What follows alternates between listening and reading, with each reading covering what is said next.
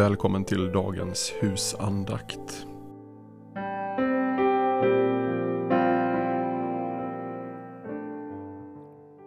Den 26 december. Det gjorde Gud genom att sända sin egen son som syndoffer till det yttre lik en syndig människa. Romarbrevet 8.3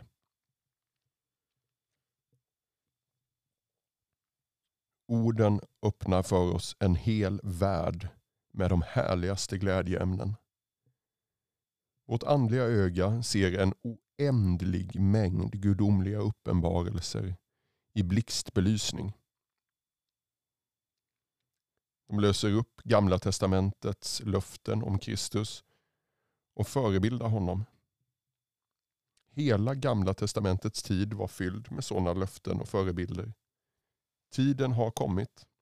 Fadern har nu bestämt att alla dessa profetiska ord och förebilder ska gå i uppfyllelse.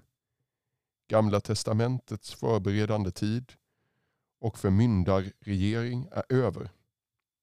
När änglabudskapet ljuder över Betlehems ängar. Jag bär bud till er om en stor glädje för hela folket. Idag har en frälsare fötts åt er. Då har ordet blivit människa. Gud hade sänt sin egen son som syndoffer till yttre lik en syndig människa.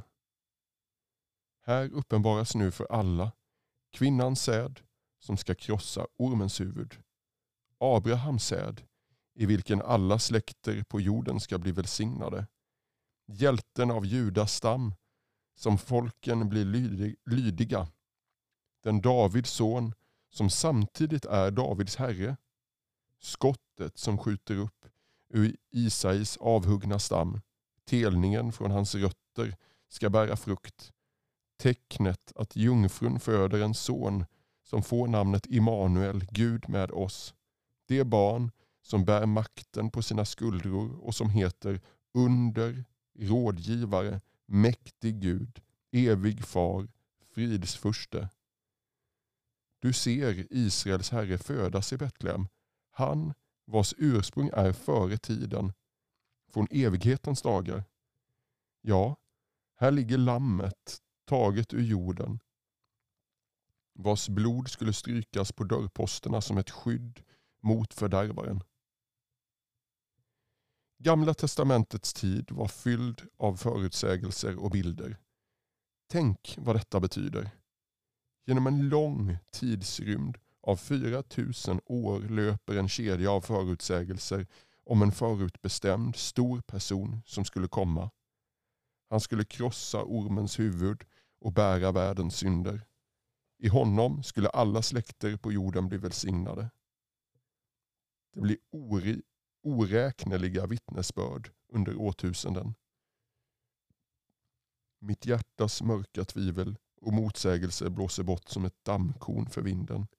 Jag vill prisa och lova och tacka Gud för hans oerhört rika gåva. Gud sände sin son.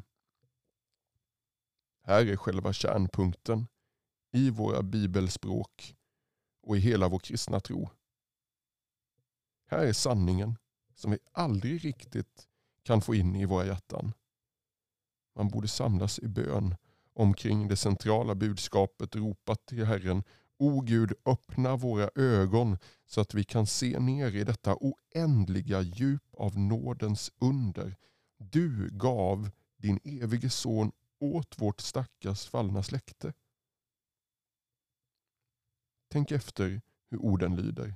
Det står Gud sände sin son. Det står inte då föddes Guds son. Utan Gud sände sin son. Barnet i krubban som du ser i din ande har inte fått så stor del av Guds ande och välbehag att Gud därför kallar honom för sin son. Nej, skriften säger barnet var Guds evige son och var hos fadern innan jorden fanns. I Betlehem skulle han födas vars ursprung är före tiden från evighetens dagar. I begynnelsen var ordet och ordet var hos Gud och ordet var Gud. Han var i begynnelsen hos Gud. Allt blev till genom honom och utan honom blev ingenting till. Och ordet blev kött och bodde ibland oss och vi såg hans härlighet.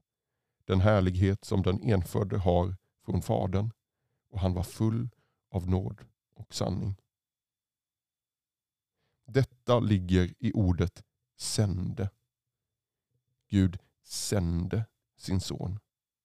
En son som fanns till från början men som när tiden var inne sändes till jorden.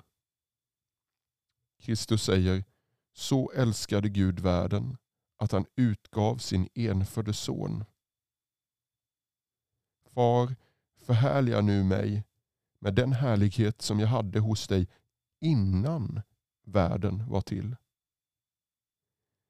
Jag har utgått från Fadern och kommit till världen. Nu lämnar jag världen och går till Fadern. Samma sak säger Johannes. Så uppenbarades Guds kärlek till oss. Han sände sin enfödde son till världen för att vi skulle leva genom honom. Detta är kärleken. Inte att vi har älskat Gud utan att han har älskat oss och sänt sin son till försoning för våra synder. Paulus säger det gjorde Gud genom att sända sin egen son till det yttre lik en syndig människa.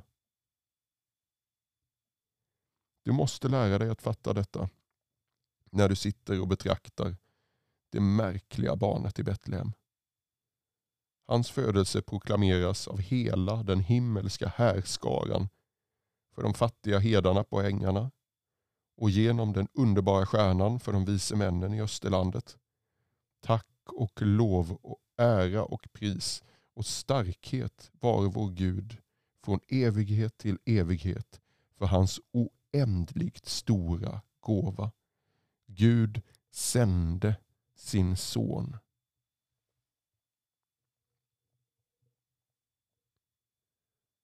Så låt oss nu fröjdas och alla tillsammans lovsjunga det barnet med glädje och gamman. Pris vare dig, Herre som föddes på jorden och som är vår broder och medlare vorden. Ja, låt oss nu fröjdas och tacka och lova för denna vår faders osägliga gåva. Fast hjärtat kan därför tillräckligt ej prisa så blive dock Jesus vår sång och vår visa.